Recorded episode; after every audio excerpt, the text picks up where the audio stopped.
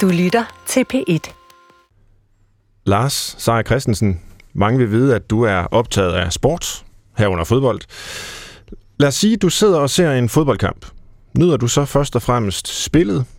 Tænker du på, om øh, dommeren er fair, og om alt går efter forskrifterne? Eller tænker du mest over, hvordan resultatet vil påvirke øh, aktierne?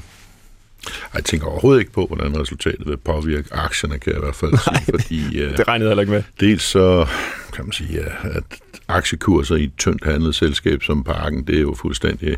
Det hvis jeg gik ind og købte for en million, ville den stige med 10 procent, og hvis jeg solgte en million, ville den falde 10 procent, ikke? Så, så det er ikke det, der betyder noget overhovedet. Altså selvfølgelig kigger jeg langsigtet på, om de strategier, vi har, sådan noget, om de, de, de, de øh, hænger sammen med på sigt og være værdiskabende, men, men jeg glemmer sådan set alt om aktiekurser og, og livets genvordighed, ligesom alle andre mennesker, når de går ind og ser en fodboldkamp. Jeg elsker fodbold. Jeg har været FCK-fan siden klubben startede, og, øh, og for mig er det, er det en stor fornøjelse at være derinde, og jeg vil sige, selv når der er rigtig, rigtig meget på spil, som for eksempel den her famøse kamp mod Røde Stjerne, hvor vi taber 22. strafspark, og, og alle er helt nede, men så lige overser os, der ejer klubben, så oven i det har tabt 150 millioner, som ja. i forhold til, hvad, hvad vi ellers skulle have gjort. Selv der synes jeg ikke engang, man tænker over det, fordi der er man så fanget af, af momentet, ikke? og så kan man så ærge sig lidt dagen efter, når man begynder at regne lidt på, hvad det egentlig betød. Ikke? Men ej, jeg ser fodbold, når jeg ser fodbold, ja. og jeg vil gerne vinde.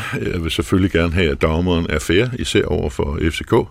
Øh, så, så for mig er det fodbold ligesom hver anden fan, og jeg er fan, og det håber jeg også, at, at vores andre fans forstår, at de, de har sgu en, en ven i mig. Jeg vil gerne se FCK klare sig godt, og jeg vil gerne se visse andre klubber klare sig mindre godt. Og du er revet med af spillet, du er i momentet, som du ja. siger. Lad os vende tilbage til om lidt, om det også gælder for livet i det hele taget.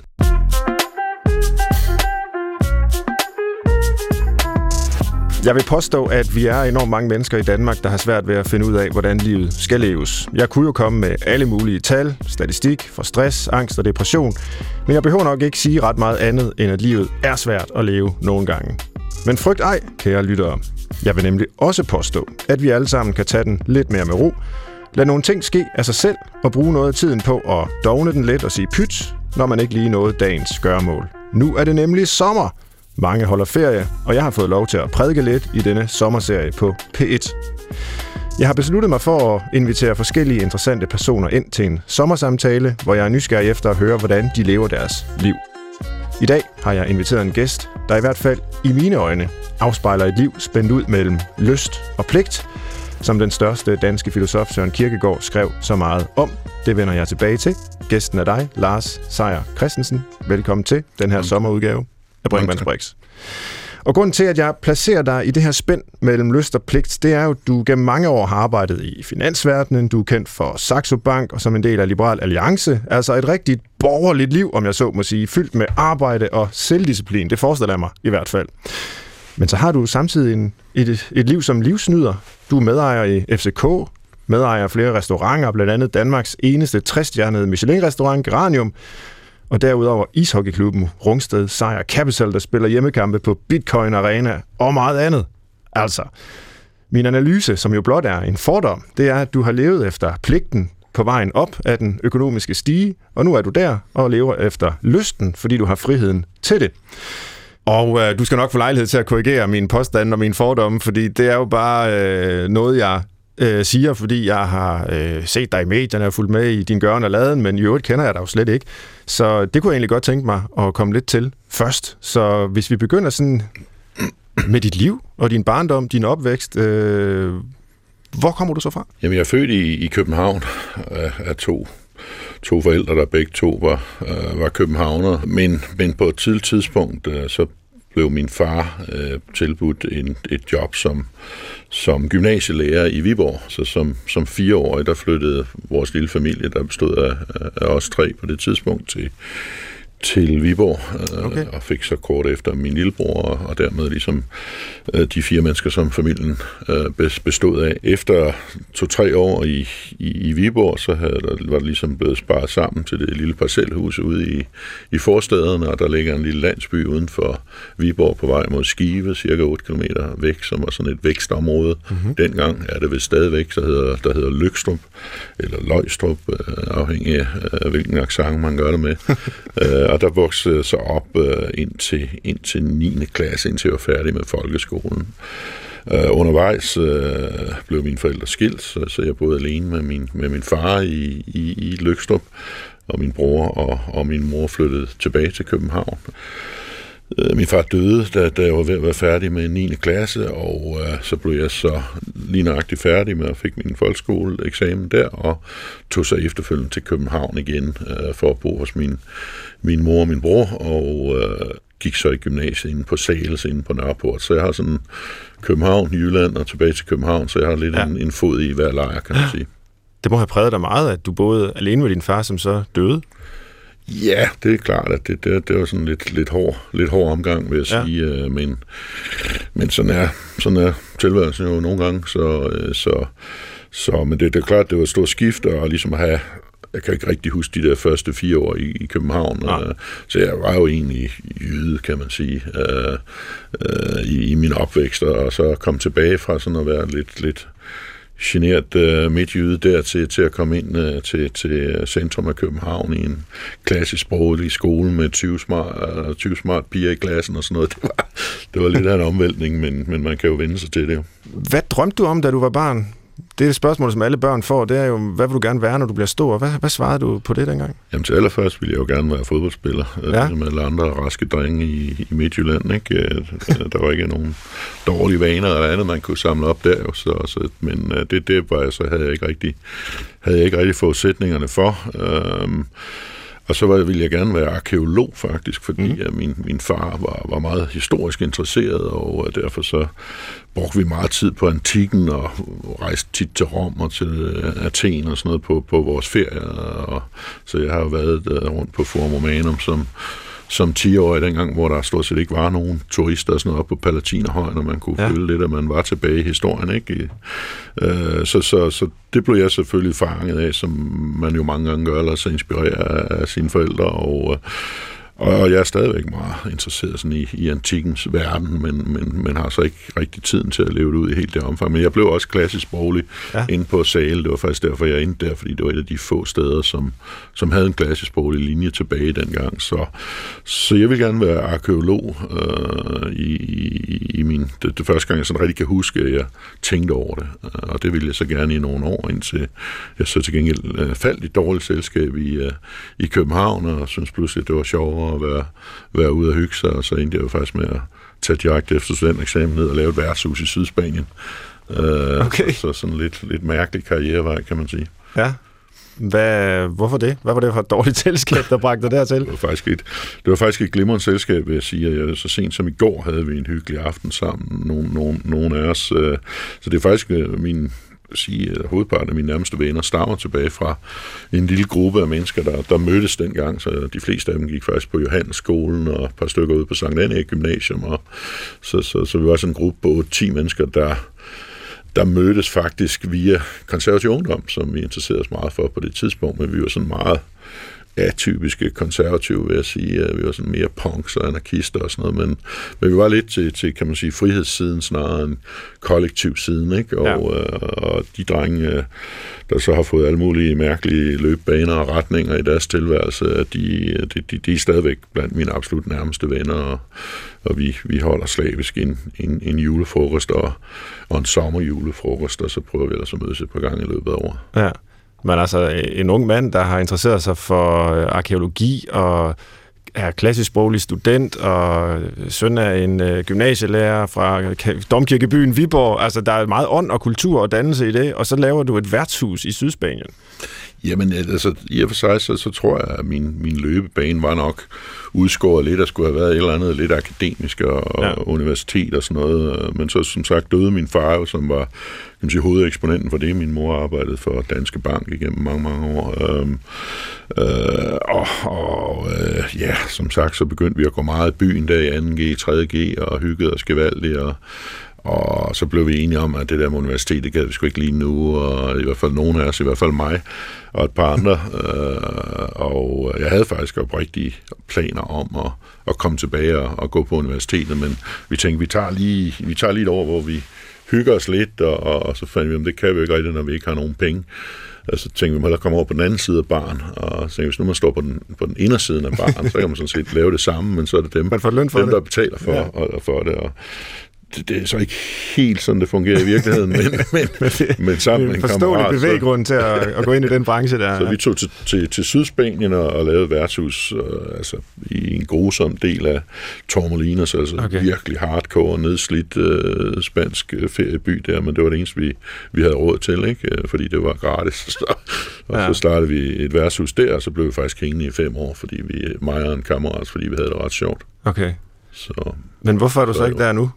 Jeg spurgt, ja, eller fordi jeg kunne også godt ligesom se, at, at det var sgu ikke det, jeg havde lyst til øh, på, på den helt lange bane. Ikke? Altså, jeg, jeg kunne også mærke altid, at jeg gerne som ville lave et eller andet, der var lidt større, og det, det afspejler sig, jeg kan huske, vi var rundt og kigge på utallige andre sådan store diskoteker, de gik jo nedenom og hjem uafbrudt dernede, ikke? Og, og vi kiggede, kunne vi købe det der og lave noget større, kunne vi købe det der, egentlig gruer jeg nogle dage for, hvis, hvis vi havde fået et par diskoteker, og de var blevet succesfulde, så skulle være, at jeg hang dernede stadigvæk, ikke? Men, øh, ja. men det gjorde vi så ikke, og jeg begyndte at få sådan en vis uh, eksistentiel uh, utilfredshed med, med, med, hvor jeg var i livet, og tænkte, det, det, det, det, det er ikke det, jeg skal resten af livet. Det, mm. det er ikke, fordi jeg på nogen måde sådan, øh, vender mig imod det, for jeg er jo meget, meget glad for hele den branche, og jeg er jo mm. egentlig også kommet full circle med nu at eje et par restauranter og Café Dantoral og sådan noget igen, som var vores yndlingsværtshus der i gymnasietiden. Ikke? Ja. Så, så det er sådan full circle på en eller anden måde, men, men det var bare ikke det, jeg ville resten af livet, kunne jeg mærke. Nej, men fem år var vel, det var længe.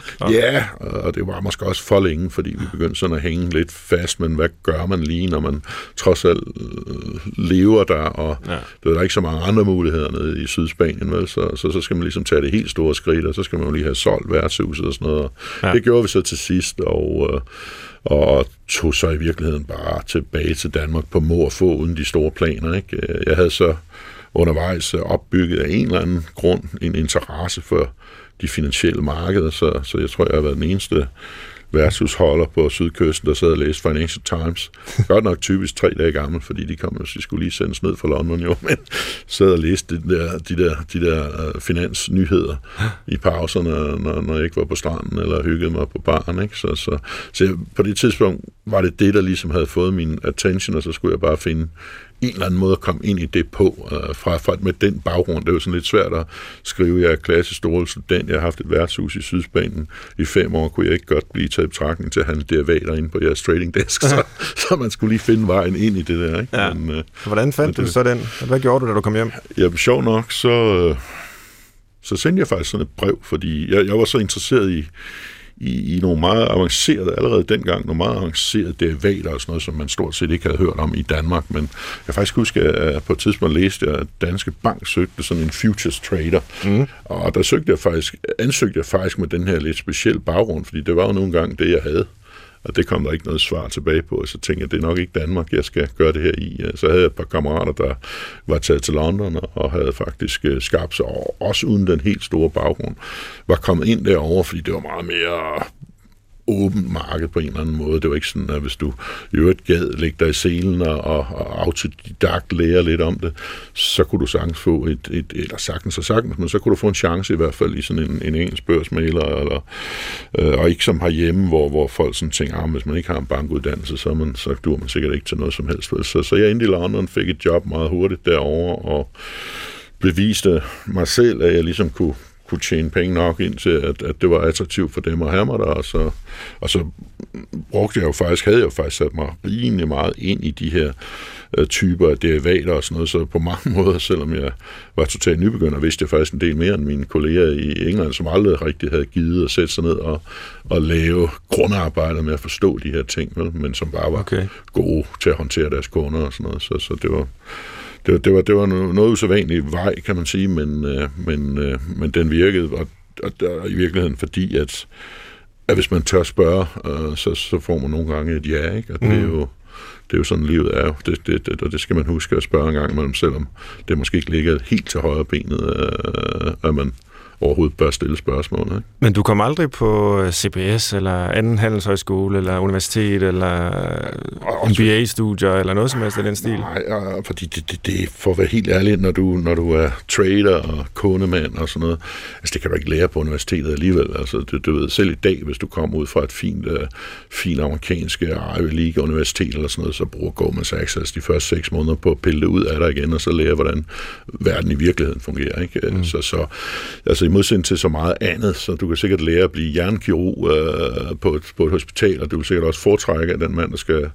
der skal operere din hjerne, har fået den uddannelse, men det andet, det lønner du by doing, ikke? Mm. Og, og det er reelt set ikke noget, du, du kan lære på hverken CBS, du kan lære mange andre ting, men du kan ikke lære at være kundemand, eller vide, hvordan man handler og sådan noget, fordi det kan man kun gøre ved at at prøve det. Altså, teori forsvinder fuldstændig, når du har, når du har presset af, at du kan tjene og tabe penge og sådan noget. Det, det, det kan du ikke teoretisere dig til, og du er mm. nødt til at have det, have det direkte i smasken, og så reagere på det rent psykologisk også, ikke?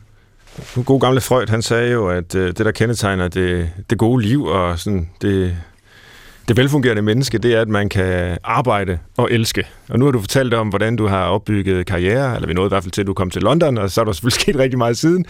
Men sideløbende med alt det, så har du vel også øh, forelsket dig og mødt kvinder, og i dag er du jo gift og har børn. Og, altså, hvordan, er, hvordan har den del af livet udviklet sig for dig? Jo, altså man kan sige, øh, dernede i Sydspanien var en af sidegevinsterne ved at køre sådan et sommerværtshus, der er jo, at man ikke måske behøver at forelske sig så dybt hver gang. Men, men det, så der, der var relativt uh, frisindet liv sådan et sted, som man kan forestille sig med masser af spiritus og sol, og folk, der var på et par ugers ferie fra Newcastle og Manchester, eller hvor de der vilde tøser fra England, de kom fra. Ja. Uh, så, så, så, så, i den forstand blev uh, eventuelt genertid langsomt pillet af en, ikke? Men, uh, okay. men det er klart, at så efterfølgende, da jeg boede i London, mødte jeg så min, min kone, som, uh, som jeg så har været gift med i, hvad bliver det, 27 år, ikke? Og, ja. og har fem børn med, og det, det skal jo, det skal jo, det skal jo det skal jo håndteres sideløbende, vil jeg sige. Mm. Arbejde har altid fyldt meget for mig, fordi det har det, det har det været nødt til at gøre med de ting, jeg gerne har vilet, og, og det kræver så også, at du har at du har en kone, at du har en familie, der et eller andet sted accepterer det, uh, uden at, uden at bokse hver gang, at du er sent ude, eller du skal flyve til udlandet og lave et eller andet. Ikke? Og, og der vil jeg sige, der er engelske kvinder, sådan, uden at generalisere for meget, har nok lidt, lidt, lidt, lidt, lidt mere forståelse for det, end jeg har oplevet herhjemme, faktisk med mange, der har danske koner, hvor, hvor hvis de ikke er hjemme i weekenden og sådan noget, så falder der altså brænde ned og sådan noget. Ikke? Og det, det, det, det er selvfølgelig også individuelt, men det har i hvert fald ikke været tilfældet for mig, fordi jeg har været nødt til at rejse i lange perioder, 150-200 dage om året, ikke? Og, ja. og, hvis du har en kone, der skiller dig ud hver gang, altså, så, så dur det ikke. Det, det gør det ikke. Men du gik så også fra at leve det her sige, frigjorte liv i Sydspanien med spiritus og kvinder, til at du nu har været gift med den samme kvinde i 27 år mm-hmm. og fem børn. Altså, det må da også være en omvæltning. Og altså, også fordi... er der heldigvis stadigvæk. ja, det er så fint. Men, men øh, altså nu, jeg spørger også, fordi øh, samtalen, vi har, øh, på en eller anden måde jo udspiller sig omkring øh, lyst og pligt. Øh, der, der er der vel også en overgang der, hvor man forpligter sig på et andet menneske så markant, altså...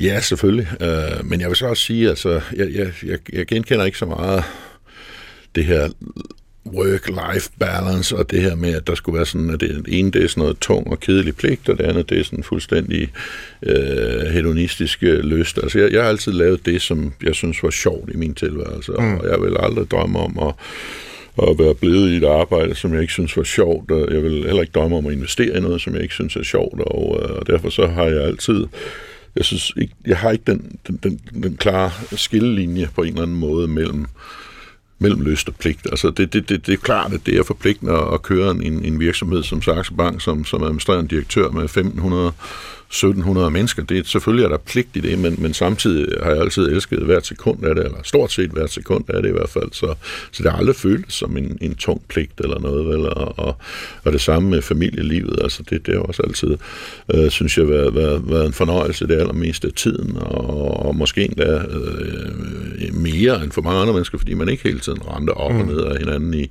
i en evighed. Altså der, det er muligt, at børnene måske øh, måske havde fortjent noget mere tid i, i løbet af det forløb, men til gengæld har du så også en mere intensiv tid med dem, når du så er hjemme lidt mindre end, end måske den gennemsnitlige, ja. den gennemsnitlige far er. Ikke? Jo, men der er vel trods alt forskel på de arenaer der, hvor altså, det med arbejdet, der kan du sige, at du kan sige op, eller altså, hvis du ikke synes, det er sjovt længere at gå et andet sted hen.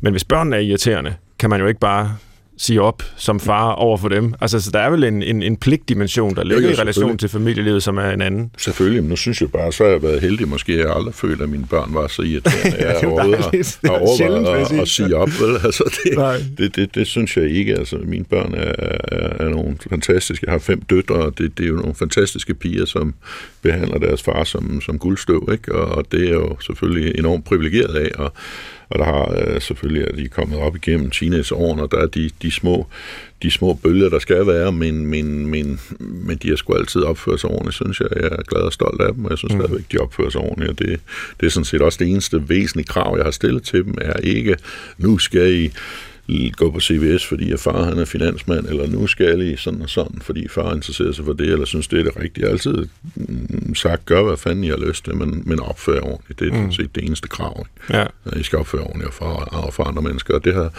det har de lyttet til, synes jeg. Øh, og, og, og, og jeg kommer videre ikke til at blande mig intenst i, hvad de gør med deres tilværelse. Jeg synes, de ligesom jeg, som har gået en virkelig mystisk, labyrintagtig vej frem til, hvor jeg er i dag, altså hvor, som jo klart beviser, at, at du kan godt ende et eller andet sted, som er nogenlunde tilfredsstillende, selvom du tager et hav af omveje, som lige passer til, hvad du synes var rigtigt på tidspunktet, uden at du behøver at sidde og, og planlægge en eller anden øh, knivskarp karriereudvikling. Mm. Og det vil da også være min anbefaling til, til alle andre mennesker, fordi mm. hvis man gør ting, man ikke elsker, altså, så bliver man aldrig super god til det. Det kan bare ikke lade sig gøre i min optik. Hvis man, hvis man gerne vil have sy- rigtig succes med det, man laver, så forudsætter det, at man synes, det er sjovt efter min jeg, jeg, jeg kender ingen mennesker, der, der er helt fantastisk succesfulde, hvis de hader det, de laver. Altså, det, det, mm. det hænger ikke sammen for mig. Et er, at du så ikke blander dig øh, i deres liv, altså så længe de øh, har det sjovt og opfører sig ordentligt, men hvad nu, når de kommer, dine døtre? Det forestiller mig, at de har gjort i tidens løb, og sådan spurgt dig til råds. Altså, hvad er det så, du rådgiver ud fra som far? Altså, fordi der er man jo nødt til at blande sig. Man er nødt til at have en holdning til, skal de gå den ene eller den anden vej? Ja, altså jeg, jeg, jeg, jeg er jo meget individualistisk og meget frihedsorienteret, så jeg har jo i vid udstrækning vidderligt sagt til folk, at jeg synes, at de skal gøre det, de har mest lyst til. Og de skal ikke være så nervøs for, om de så kommer til at at bruge et år på noget, som så bagefter ikke rigtig kan bruges til noget alligevel, og det er helt okay at ændre retning undervejs, hvis man har lyst til det. Så det er da klart, at hvis folk har, har spurgt mig om et eller andet, har jeg givet min, min holdning til kende. Men jeg har også altid sagt, at, at hvis du synes noget andet, altså medmindre det er noget forkert eller noget dårligt, øh, så gør der det. Altså, fordi jeg skal ikke bestemme, om du skal, om du skal være sanger, eller du skal læse geografi, eller du øh, skal, spille, øh, skal spille squash, eller det, det skal du bestemme. Ikke? Ja. Øh, du skal bare opføre dig ordentligt, og det har altid været sådan min, min, min hovedting til dem, opføre jer ordentligt over for andre mennesker, så skal nok gå alt sammen, og, og, og, så, øh, og så gør ellers det, som, i synes er rigtigt, og, og hvis I har lyst til at ændre den retning, så gør det. Heller ja. det end at Også hvis... sidde og afslutte noget, fordi nu er I gået i gang, eller et eller andet. Ja, nu beskrev du dig selv som barn som en, der godt kunne tænke sig at blive øh, fodboldspiller, professionel fodboldspiller. Altså, nej, eller... nej, jeg rendte bare rundt og sparket til. Ja, jamen det er det ikke. Men hvis nu det havde været virkelig et brændende ønske, samtidig med, at du måske ikke havde forudsætningerne for det, øh, skulle din far så ikke ligesom have fortalt dig om virkeligheden og sagt, ah, lille Lars, det kan godt være, at du gerne vil det der, men det kan godt være, det er nogle andre ting, du skal. Jeg, jeg vil nok aldrig have sagt lille Lars, for jeg Nej. jeg har været 1,80 siden jeg var 14 okay. eller sådan noget, men, øh, men, øh, men det, der var vi jo slet ikke ude i, at, at, at, at, at, at det nogensinde var nødvendigt, Nej. fordi jeg, jeg, det synes Jamen, jeg bruger jo så, bare lidt i det her med, altså skal man altid øh, sige til folk, de skal gøre, hvad de har mest lyst til? selverkendelse. Det er klart, at hvis ja. en person gør ting, der er forfærdelige for dem selv, og det støder du der ind i en gang imellem med vaner. Det kunne være ens børn også. ludomaner, eller ja. alkoholikere, eller whatever, så kan det godt være, at du er nødt til at sidde og rådgive lidt, og jeg vil også sige, at der er nok, der er nok fået, haft venner, der har spurgt mig mere intenst ind til noget rådgivning, end mine børn har gjort. De har åbenbart ikke generelt følt det store behov for øh, andet end at træffe deres egne beslutninger, hvilket jeg også synes er, er, er meget prisværdigt, at folk i videst mulig omfang træffer deres egne beslutninger, fordi det, det, det er jo, altså, jeg, jeg, jeg, jeg kan huske, at, at jeg har efterhånden holdt nogle studenter taler og sådan noget til de der, jeg plejer altid at holde en tale om, at at de skal altså huske, det er deres liv. Ikke? De skal ikke lytte til, hvad deres forældre drømmer for dem, og de skal er sikkert mega upopulære med alle mulige andre forældre, men, men det er altså deres liv, ikke? og de skal ikke de skal ikke lade sig drive af, hvad deres forældre forventer af dem, eller hvad samfundet forventer af dem, eller hvad, hvad, hvad alle mulige, hvad deres øh, skole og institutioner forventer af dem. De skal leve deres eget liv og gøre det, fordi de, de har sandsynligvis kun det samme, og, og det er bare op til en selv at få maks ud af det. Øh, mm. Og det, det, det, den, den opsang har jeg altid holdt til alle, der, der gad høre på den, fordi det, det mener jeg meget, meget brændende. Altså også det, mm. jeg har mange gange talt ind på CBS, uden at være uddannet, har masser af gange talt derinde til, til unge studerende og sådan noget, og, og igen, altså, og mit hovedbudskab er altid, altså, hvis du, og det er jo meget hvad iværksætter, folk der gerne vil lave deres egne ting og sådan noget selvfølgelig, at, at, at, at de skal elske det, de laver. Hvis de har et job lige nu, som de ikke kan lide, så sig det op, og så tag et, et job, hvor du tjener mindre i løn. Ikke? Mm. Hvis, hvis det er det, der skal til, hvis du har lavet din egen virksomhed, men du ikke synes, det er sjovt, så skal du ikke være bange for at gå tilbage og tage et vellønnet, eller tage et almindeligt lønningsjob. Altså, det, er ikke, det er ikke sådan noget fantastisk ved at være iværksætter i forhold til at være, være, være øh, aflønnet medarbejder og sådan noget. Det, det korte og lange er, at du får ikke succes i livet, hvis ikke du tager hensyn til, hvad du selv synes er rart og sjovt og sådan mm. noget. Ikke? Og, og så, så forsvinder pligt jo lidt, fordi hvis du synes, det er sjovt, så arbejder du bare 10 timer og 20, 12 timer om dagen med det, hvis det er nødvendigt. Ikke? Så det er mm. ikke sådan noget, du behøver at piske dig selv til. Omvendt, hvis du skal pisse dig selv til at arbejde rigtig lange timer, så, så kan det kun ende galt på en eller anden måde. Ikke? Mm. Det, det, det, det, det, det kan man ikke. Det lyder som ikke bare sådan en karriererådgivning, når du fortæller studerende og så videre, at de skal elske, hvad de laver, og det skal være sjovt, og de skal have drive med det, men øh, det, altså, det er jo en helt livsanskuelse. Hvor, hvorfor har, hvor kommer den fra? Hvor det... Jamen altså, hvis der er en rød tråd i mit liv, så har det altid været ønske om frihed. Ja. Altså, jeg, jeg elsker frihed, og jeg, jeg elsker, at der ikke er nogen, der fortæller mig, hvad jeg skal gøre. Jeg kan godt forstå, at jeg indgår i en større kontekst, og der er nogle, et sæt af regler, som for alle andre også kan have en vis mængde af frihed, at du så er nødt til at overholde dem. Men, men, men for mig er øh, det vigtigste i livet, det er, at man får lov at leve sit, sit eget liv, at man ikke lever andre menneskers liv, ikke? At, man, at man selv har friheden til at, at, at beslutte sig til, hvad man vil her. Og man også selv bære konsekvenserne selvfølgelig af eventuelle forkerte valg. Det er jo en del af det, og det kan da godt være, at der er andre mennesker, der er indrettet på en måde, så de, så de ikke foretrækker frihed, de faktisk har, finder komfort i at, at få at vide, hvad de skal, og det, det kunne man godt have lidt mistanke om her de sidste 12 måneder for eksempel, at der er en stor del af befolkningen, der egentlig er glad for, at der er en eller anden, der sidder og siger, nu skal I altså blive hjemme, og nu skal I have mundbind, og vi har jo altså nærmest øh, to-tre politikorps, der render rundt, mundbindspolitiet, og folk, der skælder ud, og altså folk, der synes, det er vidunderligt, at der er sådan kæft og retning, så, så det er muligt, at, at, at det er en type, der ikke øh, er den samme som alle andre formentlig, men, men jeg kan bare godt lide frihed. Mm. Og jeg kan godt forstå, at, at for eksempel i sådan en situation her, kan det give mening at følge nogle regelsæt, så man ikke udsætter hinanden for unødig fare, men, men det er ikke sådan, jeg synes, det er vildt fedt, at der er nogen, der skal fortælle mig, hvornår jeg skal gå i seng, eller om jeg skal have det ene eller andet mundbind på. Eller ja, det. men, men det er præcis det her med coronaen og mundbind, og hvad der ellers er regler og restriktioner, har været i forlængelse af det det er jo et rigtig godt eksempel på nogle af de dilemmaer, der også opstår. Altså etisk mellem mennesker og politisk, når vi taler hele samfundet. Altså fordi jeg tror, der er langt de fleste, også mennesker, der lytter til det her, vil sige, jamen selvfølgelig er personlig frihed øh, ekstremt vigtigt. Og altså så længe man ikke gør noget, der ligesom skader andre, så skal man jo have lov til hvad som helst. Og så er det rigtig godt at ligesom følge sin lyst. Men så lever vi jo også i et samfund, hvor der er nogen, der øh, ser anderledes på det som du siger, og som måske godt kan lide, at der er nogen, der bestemmer lidt, og det giver en tryghed, på, måske på bekostning af friheden. Og hvis det så ligesom er flertallet, der beslutter sig for, nu skal også Lars Seier Christensen gå med mundbind, han skal også indrette sig efter de her ting, selvom han ikke har lyst, så er du vel forpligtet til det? Eller hvad? Altså selvom du ikke har lyst til at tage den forpligtelse på dig? Jeg ved ikke, om du er... Selvom det ikke er det, sjovt. på, det helt, om, på det helt dybe filosofiske plan, om du er forpligtet til det, det er en, det er en diskussion, men det, men, ja. men, men, men det er sikkert ikke en kamp, du gider tage, hvis et flertal synes, at vi skal rende med mundbind til på mandag, selvom vi åbner barn i stedet for at afskaffe dem i dag. Jeg skal nok beholde mit mundbind på, når jeg står op i en restaurant på mandag. Synes jeg, det er stjernetosset, når vi nu har besluttet os til at afskaffe dem på mandag. Men ah, gør jeg det alligevel? Ja, det gør jeg da som udgangspunkt, for jeg har ikke noget ønske om, at folk skal føle, at jeg er provokerende eller, eller irriterende eller uansvarlig, hvis, hvis, hvis det er for noget, der ikke der ikke gør store skår i mig selv, vil jeg sige. Men jeg kan da også godt blive bekymret, når jeg ser det her, fordi når man kigger tilbage over historien, og man undrer sig, hvordan gik en lille bevægelse fra at, at, at begynde at indføre og blande sig og styre liv til pludselig at blive til store, øh, store katastrofer. Ikke? Altså, så kan man da godt se lidt tendensen her, hvis man pludselig sagde til folk her på højden af krisen, nu skal I altså også gøre det, og nu skal I gøre det, og nu skal I gøre det hvor stopper det? Ikke? Og, og, og, og der kunne det godt virke som om, at nogle mennesker ikke rigtig har en stopknap der, når det kommer til at blande sig i andre menneskers liv. Ikke? Og det, det er jo gået forholdsvis galt nogle gange i verdenshistorien, kan man sige. Mm.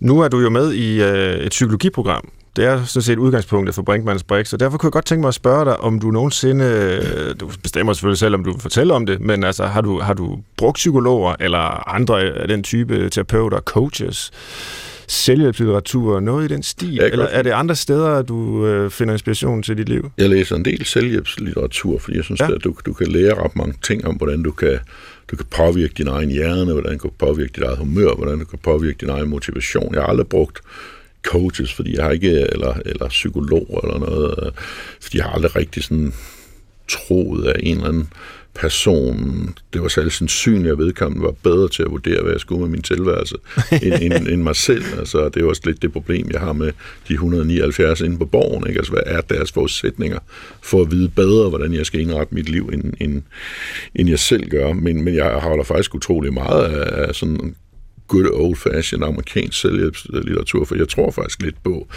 uh, at du kan påvirke dig selv ved at, at tænke konstruktivt. Ikke? Jeg tror, en af de største problemer, som folk overhovedet har, det er, når de, når de ligesom gifter sig med den her interne negative stemme, der hele tiden fortæller dem, og du er en taber, og hvis du gør det der, så går det helt sikkert galt, og hende der, hun griner sikkert af dig, hvis du byder på en drink, og du danser jo heller ikke særlig godt, og, og du dur heller ikke til, til, til det der. Det, det tror jeg, der er rigtig mange mennesker, der går rundt med den her negative interne ting, som hvis den vender sig rundt til, uh, hvad fanden kan der ske, hvor galt kan det gå, altså prøv det en gang, og så prøv noget andet, hvis det ikke lykkes og sådan noget. Jeg mm. har mere den type stemme indvendt, ikke? Altså, og, og det mener jeg faktisk er noget, man selv kan styre i et vist omfang. Jeg er gået fra at være meget introvert øh, som, som ung og, og ret genert, vil jeg sige, til at være betydeligt mere ekstrovert og, og i hvert fald noget mindre genert. Mm. Uh, nu, nu, nu virker jeg måske ikke som en genert type, men jeg kan godt være lidt genert over for folk, som jeg ikke kender, eller sådan noget, men, men har, synes jeg, selv arbejdet mig hen til ikke at være sådan, at det, det, det, det, var, det var noget besværligt gørende i mit liv. Så, mm. så den type ting tror jeg faktisk ret meget på. Jeg får faktisk sige, at jeg går så langt og sige, at jeg tror, at de fleste mennesker kan blive succesfulde ved at arbejde fornuftigt med deres egen hjerne og eller sådan lidt til sådan nogle NLP-ting og sådan noget, som jeg ikke altid synes, at de lige vel eksekveret, men den grundlæggende idé, at du har en positiv indre dialog, og du opmuntrer dig selv, snarere end at du trækker dig selv ned hele tiden det tror jeg faktisk ret meget på. Mm. Jeg tror også, der er mange psykologer, og i hvert fald coaches, som vil sige, at deres opgave er ikke at sidde og fortælle dig, hvad du skal, eller rådgive dig, men at hjælpe dig til at finde ud af, hvad du faktisk selv vil og kan og har lyst til. Øhm, så, men det er jo så det, du finder i selvhjælpsbøgerne, øh, lyder det til. Øhm. Jamen det, det, nu, nu har jeg ikke en stor erfaring med sådan noget, så, nej, nej. så det er jo glimrende, hvis, hvis det er tilfældet. Øh, fordi det mener jeg er den bedste rådgivning, du kan give folk, det er prøv nu at tro lidt mere på dig selv. Prøv nu at gøre nogle ting og se, hvad der sker. Ikke? Du lytter til Brinkmanns Brix i en sommerudgave med Lars Seier Christensen, og nu vil jeg lige afbryde vores samtale her ved at bringe et filosofisk værk på banen. Det er simpelthen Søren Kierkegaards Enten Eller. Og for at alle har en chance for at forstå, hvad det går ud på, så kommer, kommer her et øh, miniforedrag fra Pia Søltoft, der er præst og Kierkegaard-coach. Og bagefter skal vi høre, om øh, du fik lavet lektier, Lars, og hvad du i så fald fik ud af at læse Kierkegaard.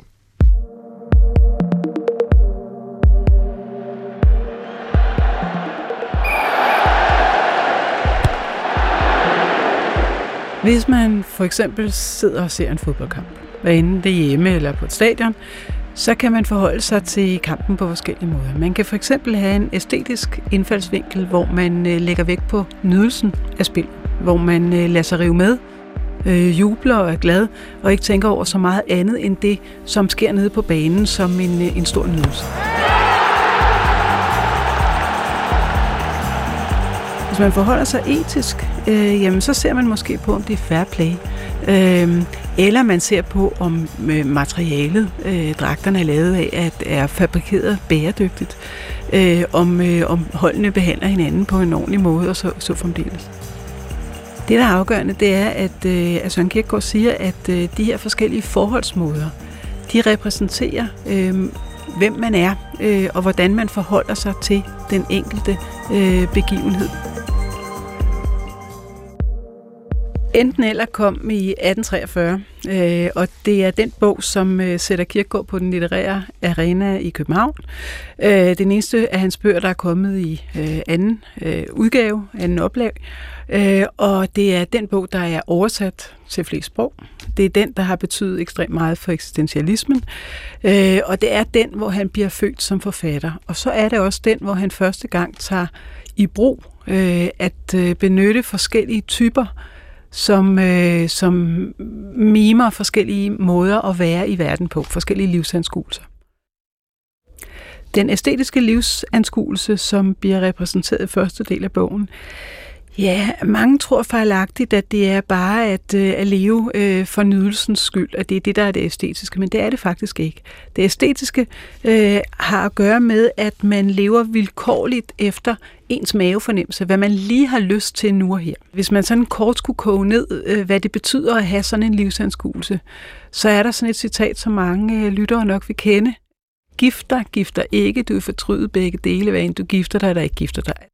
Altså sådan en form for værdinihilisme. Det hele er lige meget.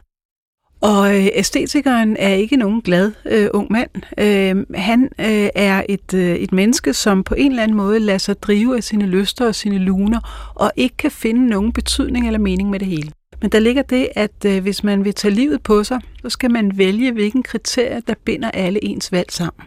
Og at vælge sig selv betyder ikke at blive et andet menneske end den, man er, men det betyder, at man kan stå inden for sin valg. I stedet for at bare være vilkårlig og lade sig øh, lede af, hvad man lige har lyst til nu og her, øh, så finde den sandhed for en selv, som for en, ens valg til øh, at hænge sammen.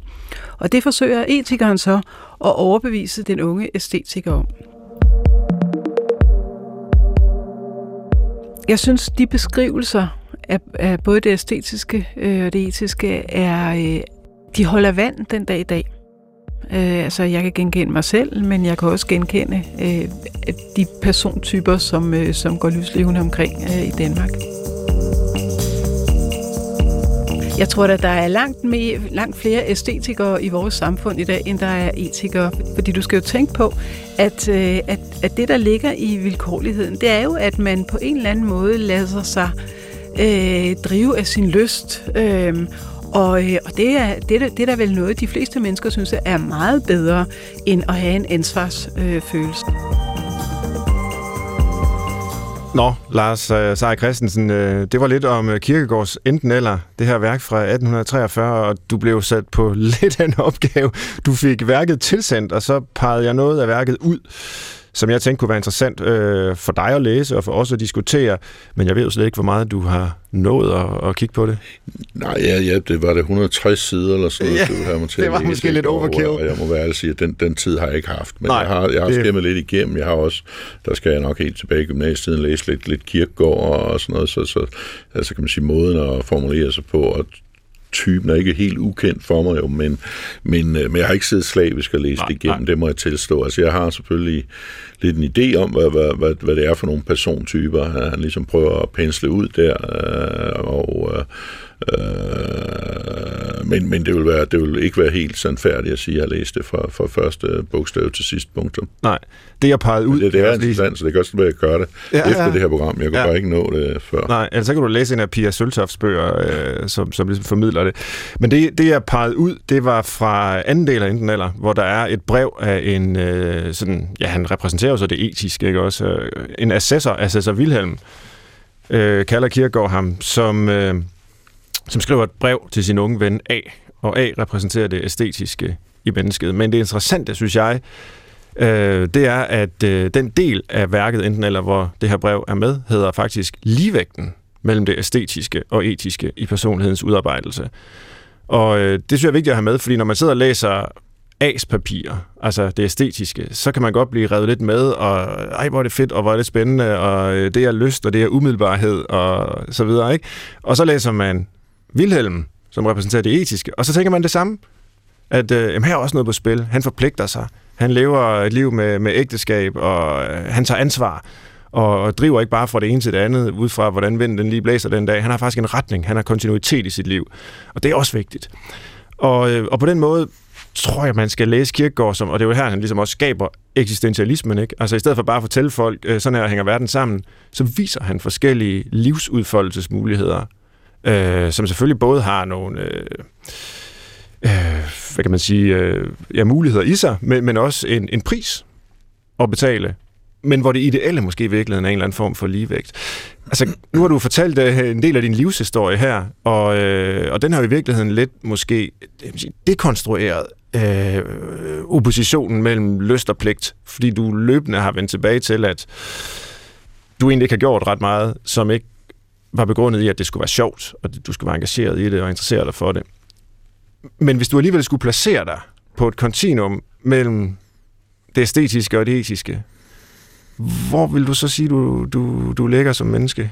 Jamen, jeg synes jo også, at hele den idé om, at der skulle være en sådan en meget markeret linje mellem de to, altså enten ja. eller. Ja. For mig er det jo nærmere både og, vil jeg tillade mig at sige, mm. ikke? fordi uh, fordi øh, det er helt sikkert, at, at jeg er livsnyder, og mm. jeg kan mhm. godt lide at spise godt måltid mad, jeg kan godt lide at drikke en god flaske vin, jeg elsker at se noget sport og, og, og lave ting, der måske ikke hverken er specielt sunde, eller specielt konstruktive, eller specielt udviklende, men bare er et godt liv.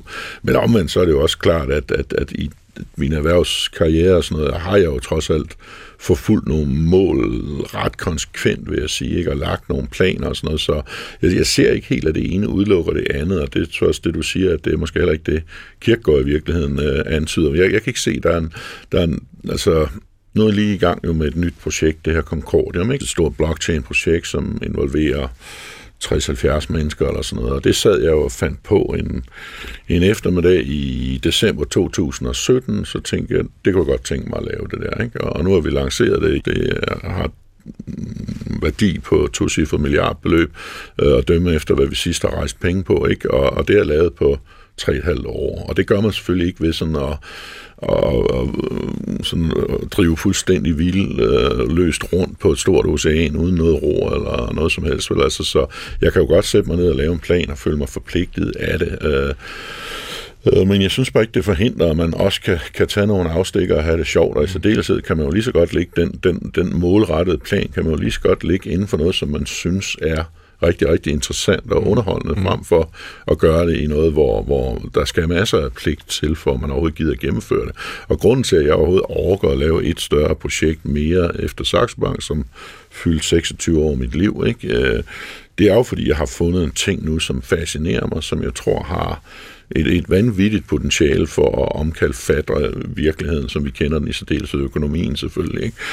Og, og, og så må jeg satse hårdt på det. Men, men i modsætning til Saxbank, der jo i mange, mange år var 10, 10 timer, 12 timer, 16 timer om dagen, fordi du også skulle ud og spise med kunder om aftenen, og hvad ved jeg, ikke? og du skulle flyve fra den ene ende af verden til den anden, så har jeg faktisk øh, gennemført det her projekt med måske et tidsforbrug på 30 procent af min, af min, kan man sige, af min kapacitet, fordi mm. jeg har lært noget undervejs, nemlig at du allerbedst udvikler sådan nogle projekter gennem samarbejder med andre mennesker, at du mm. finder folk, der er dygtigere end dig selv til at lave en lang række ting. Så så jeg synes, det her er vanvittigt interessant, men det kræver selvfølgelig, at, øh, at jeg ikke sådan pludselig ændrer holdning til, nu skal vi noget helt andet, og, og, og nu var vores oprindelige strategi ikke rigtig. Den, den strategi, jeg lagde i, i slutningen af 2017, den var, at der var et vist element af det her blockchain, som efter min mening var det vigtigt at fokusere på selve selve grundlaget for en fremtidig industri, snarere en måde at udnytte den på. Mm. Det så håbløst ud for 18 måneder siden, fordi der var alle gået hen til, nu skal vi alle sammen udvikle nogle rigtig spændende funktionaliteter, og så dropper vi det der med, om det hele fungerer nede i bunden. Altså man kan sige, sammenligneligt, så laver jeg og nu skal man ikke uh, tro, jeg har forstået det, jeg laver det, der svarer til internettet, og de andre laver det, der svarer til Amazon og Facebook mm. og Google, altså ting, der udnytter internettet til at lave en interessant forretningsmodel. Og min vurdering har fra day one været, den der foundation, altså det der, som man skal bygge på, det er ikke godt nok i, i blockchain. Vi er nødt til at lave noget, der fungerer der. Og som sagt, for 18 måneder siden var alle ude at lave Facebook og Google og Amazon og tænkte, det, det nederste er løst. Jeg vidste bare, at det ikke var løst.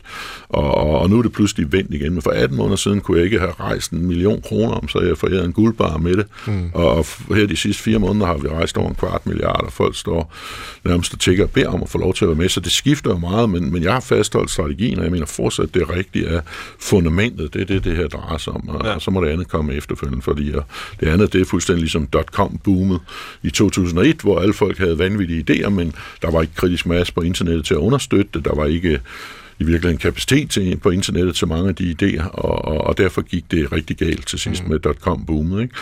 Så. Du er tydeligvis øh, altså passioneret omkring det, optaget af det, ja. Og, og, og det er jo øh, fedt at høre om. Men du beskriver også øh, den her opbygning af en forretning ud fra en idé, øh, og, og du har rejst en masse penge, der er investorer, øh, det kører. Der er alle mulige andre mennesker involveret i det. Og, og jeg sidder bare og tænker på, at det er jo der, at der kan komme en konflikt mellem det, Kierkegaard kalder det æstetiske og det etiske. Altså jeg kan jo godt for eksempel have en øh, super god idé øh, den ene dag til en bog, jeg vil skrive. Jeg kan gå i gang med den, jeg kan arbejde på den i et halvt år, men så får jeg lyst til noget andet, jeg dropper den. Det går ikke ud over nogen, måske andre end mig, jeg har spildt noget tid og sådan noget. Men når du laver sådan en idé der, øh, får en idé og udvikler på den, og får en masse mennesker involveret, så øh, er det jo ligesom afhængigt af, at, øh, at du også er vedholdende. Mm. At, at, at du også føler dig forpligtet af den. Altså hvis du nu i morgen ikke længere synes, det er sjovt, vil du så kunne gå fra det? Nu tror jeg godt, jeg vil, fordi nu har det ligesom fået sit eget liv, men, men som jeg sagde der for, for et halvandet års tid siden, var kassen faktisk tom, øh, og så skulle jeg tænke på mig selv, og ingen andre, der rigtig troede på det andet, selvfølgelig dem, jeg havde ansat, og ikke så mange øh, udefra, der, der tænkte, det der, det er ligesom passé, det, det var 16 og 17 og 18, hvor det var vigtigt, ikke? og der havde jeg jo et valg at sige, jeg er nødt til at bruge en burn rate på en million euro om måneden, ikke? og de skal være et eller andet sted for. Hvis de ikke kan komme fra nogen andre, så må de jo komme fra mig, og så må jeg sige, okay, jeg tror stadig på det, og så må jeg lægge de, den, den, den million euro om måneden, ikke? Øh, indtil tingene ændrer sig, og få videreudviklet på projektet. Men det er jo klart, at der er du selvfølgelig også forpligtet. En del af den overvejelse er selvfølgelig, at jeg vil opføre mig helt fuldstændig utilbødelig, uh, utilbødelig over for folk, hvis jeg sagde, nu har I alle sammen uh, kommet her og har sagt andre jobs op og sådan noget i troen på, at jeg ville bære os igennem svære tider mm. også, så selvfølgelig vil jeg gøre det. Men nu har jeg altid troet på det, men selv af pligt ville jeg nok også have gjort det. Og, ja. og, og det, uh, det er jo så bare dejligt, når det engang man viser sig, at man har ret. Det er jo langt fra hver gang, mm. og det ved vi heller ikke definitivt. Det kan være, at det alligevel viser sig om et par år, at, at vi ikke havde ret, men, men lige nu ser det meget fornuftigt ud. Der må jeg da sige, at, at der har jeg været i andre ting, hvor jeg egentlig ikke har lyst til at gå ind i detaljer, fordi der er andre mennesker, der er involveret i, i det, hvor, hvor, hvor jeg måske nogle gange har, har holdt liv i ting længere, end, end, end jeg egentlig havde lyst til, og egentlig rigtig troede på det længere, men netop af den grund, at der er andre mennesker, som, som bliver, bliver bliver, bliver skadet af, hvis jeg, ikke, hvis jeg ikke ligesom holder fast i det, og, og det har gjort nogle gange, at jeg har brugt flere penge på, dårlige projekter, end jeg nødvendigvis måske rationelt set burde have gjort. Om det er sådan en, det er vel en del af at føle en pligt, at du ligesom, og alligevel har jeg så til sidst, når jeg det er egentlig vist 6 måneder og 8 måneder før, det her det kommer sgu ikke til at virke. Så er jeg jo så alligevel til sidst været nødt til at sige til folk, ved I hvad, venner, det her, det er ikke, det er ikke godt for hverken mm. jer eller mig. I, I, det kommer ikke til at blive til noget stort. I spiller jeres tid, gå ud og find nogle andre jobs, og så lukker vi det her ned i god ro og orden og prøver noget andet. Ikke? Og det, ja. det har jeg også været nødt til nogle gange. Ja. Men jeg har også, kan jeg mærke selv, måske holde lidt for længe fast i det, for jeg kan heller ikke altid lide at indrømme, at jeg har taget fejl. Det ligger der også i det, ikke? at, det er mig, der har taget fejl. Ikke? En måde, at Kierkegaard gennem pseudonymet Assessor Wilhelm der i enten der beskriver forskellen mellem det æstetiske og etiske på, det er, at han siger, at æstetikeren orienterer sig i verden ud fra muligheder. Hvilke muligheder har jeg? Og etikeren orienterer sig ud fra opgaver. Altså, hvilke opgaver har jeg? Og det, er, det lyder som om, at det er næsten det samme, og det kan det også være. Altså nogle gange kan opgaver og muligheder jo falde sammen, men i andre sammenhænge falder det ikke sammen. Altså så kan det også udelukke hinanden. Og øh, hvis vi skal prøve at, lukke den her lange øh, snak om dit liv gennem kirkegård, kan du så se dig selv i de begreber? Altså har du levet mest ud fra hvilke muligheder livet har budt dig, øh, eller som du selv har opsøgt, eller har du levet mest ud fra hvilke opgaver du ligesom er blevet mødt med?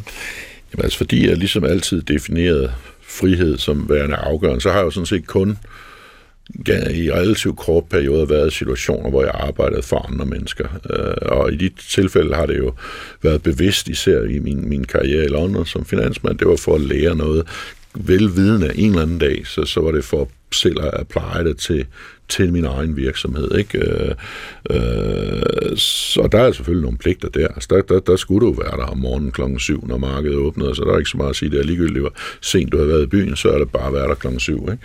Og så må du selv øh, tage konsekvensen, hvis du er blevet lidt for længe op og har en skidt dag. Ikke? Men, øh, men, øh, så, så, men, men, det, men jeg holdt jo af det alligevel, og det er klart, at at der har været nogle morgener, hvor man tænker, åh, det ville være meget rart, hvis man ikke skulle det. Mm. Men, men jeg synes aldrig, jeg har virkelig har virkelig haft en alvorlig konflikt imellem de to ting, og det skyldes selvfølgelig, at jeg har haft muligheden for at opsøge meget den vej, jeg, jeg, jeg gerne vil gå selv, ikke? Og, og jeg mm. tillader mig selv en frihed. Altså jeg, jeg vil sige, jeg arbejder 365 dage om året.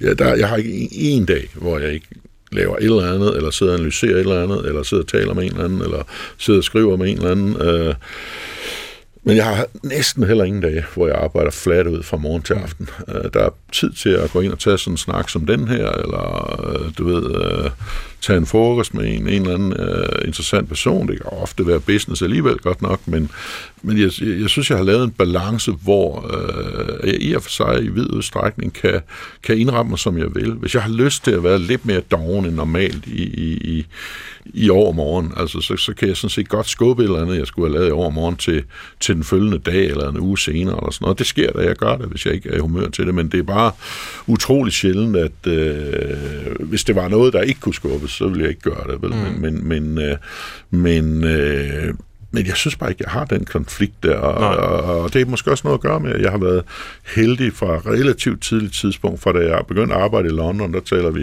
da jeg var 24-25 eller sådan noget, har, har jeg tjent godt med penge. Allerede dengang tjente vi relativt mange penge i London, ikke? Ikke sådan noget som så mange penge som ved at sælge Saxbank eller sådan noget, men har haft meget frihed til at, mm.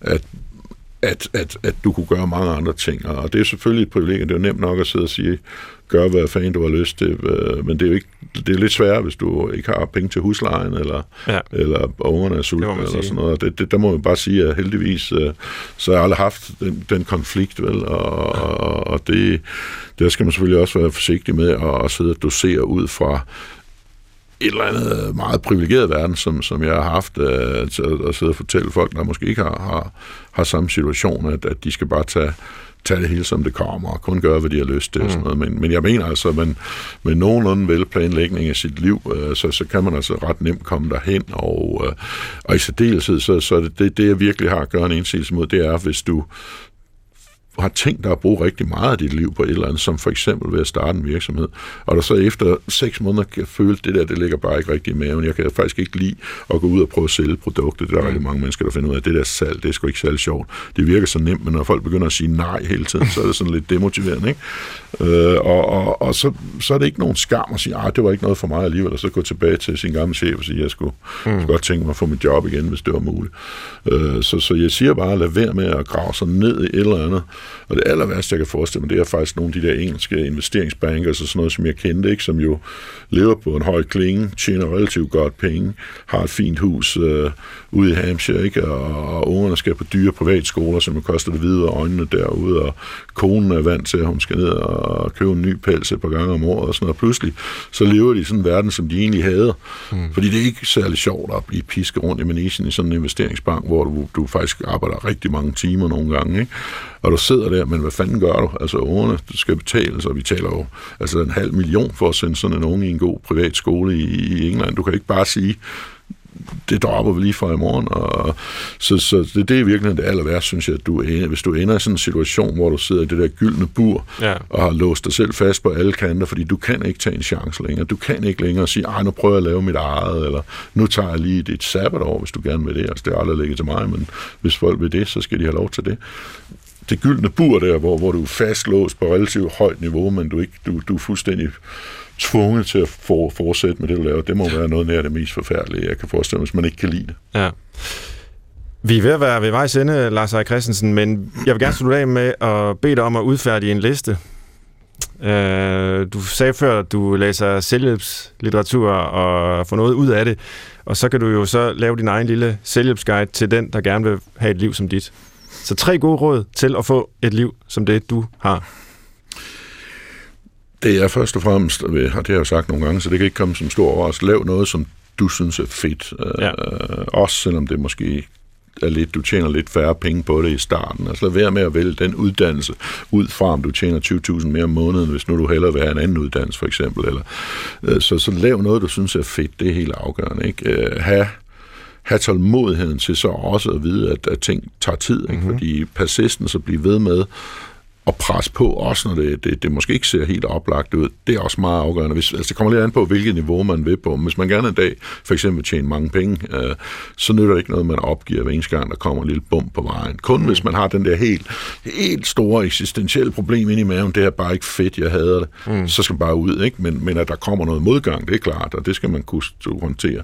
Og den tredje ting, jamen det er øh, være meget opmærksom på, hvordan du taler til dig selv. Altså prøv ja. at, at opmuntre dig selv, snarere end at tale dig selv ned. Prøv at, og og give dig selv selvtillid og omgive dig øh, om nødvendigt med mennesker, der giver dig selvtillid. Hvis, hvis der er nogen, der, der, der, bare, der bare trækker ned på dig hele tiden, så prøv at undgå dem. Men i særdeleshed, så er det faktisk min overbevisning, at man kan, man kan lære at tale til sig selv på en konstruktiv måde, ved at øve sig lidt på det, og det er rigtig vigtigt, hvis man fanger sig selv i at tænke negativt hele tiden, så er man nødt til lige at gå ind og, og stoppe det og sige, hvor, hvor, hvorfor tænker jeg sådan? Hvor, hvorfor tør jeg ikke gøre det her, øh, bare fordi jeg er bange for en afvisning eller et nej, ikke? Og, og, og prøve at overbevise sig selv om, hvad er risikoen ved det nej. Den er jo ikke stor, du vil bare spørge om noget andet. Altså, ikke? Så, ja. så, så hvis jeg lige skulle, sådan, uden at have forberedt mig, så er det i hvert fald tre vigtige ting. Jeg kunne sikkert sagtens vende tre mere. Den sælger sig selv, den her selvhjælpsbog. Lav noget fedt, øh, vær tålmodig og tal dig selv op.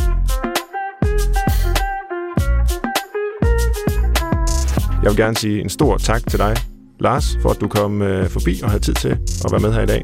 Og du har lyttet til Brinkmanns Brix. Det var den sidste af fem sommersamtaler, vi havde her i dag, og det har været en stor oplevelse at møde og tale med Gisa Nørby, Lars Seier Christensen, Hanne Vibeke Holst, Knud Romer og Leonora Christina Skov. Til retlægger var Christoffer Heide Højer. Jeg hedder Svend Brinkmann, og du kan altid skrive til os på brinkmannsbrix.dr.dk. Ha' en rigtig god sommer.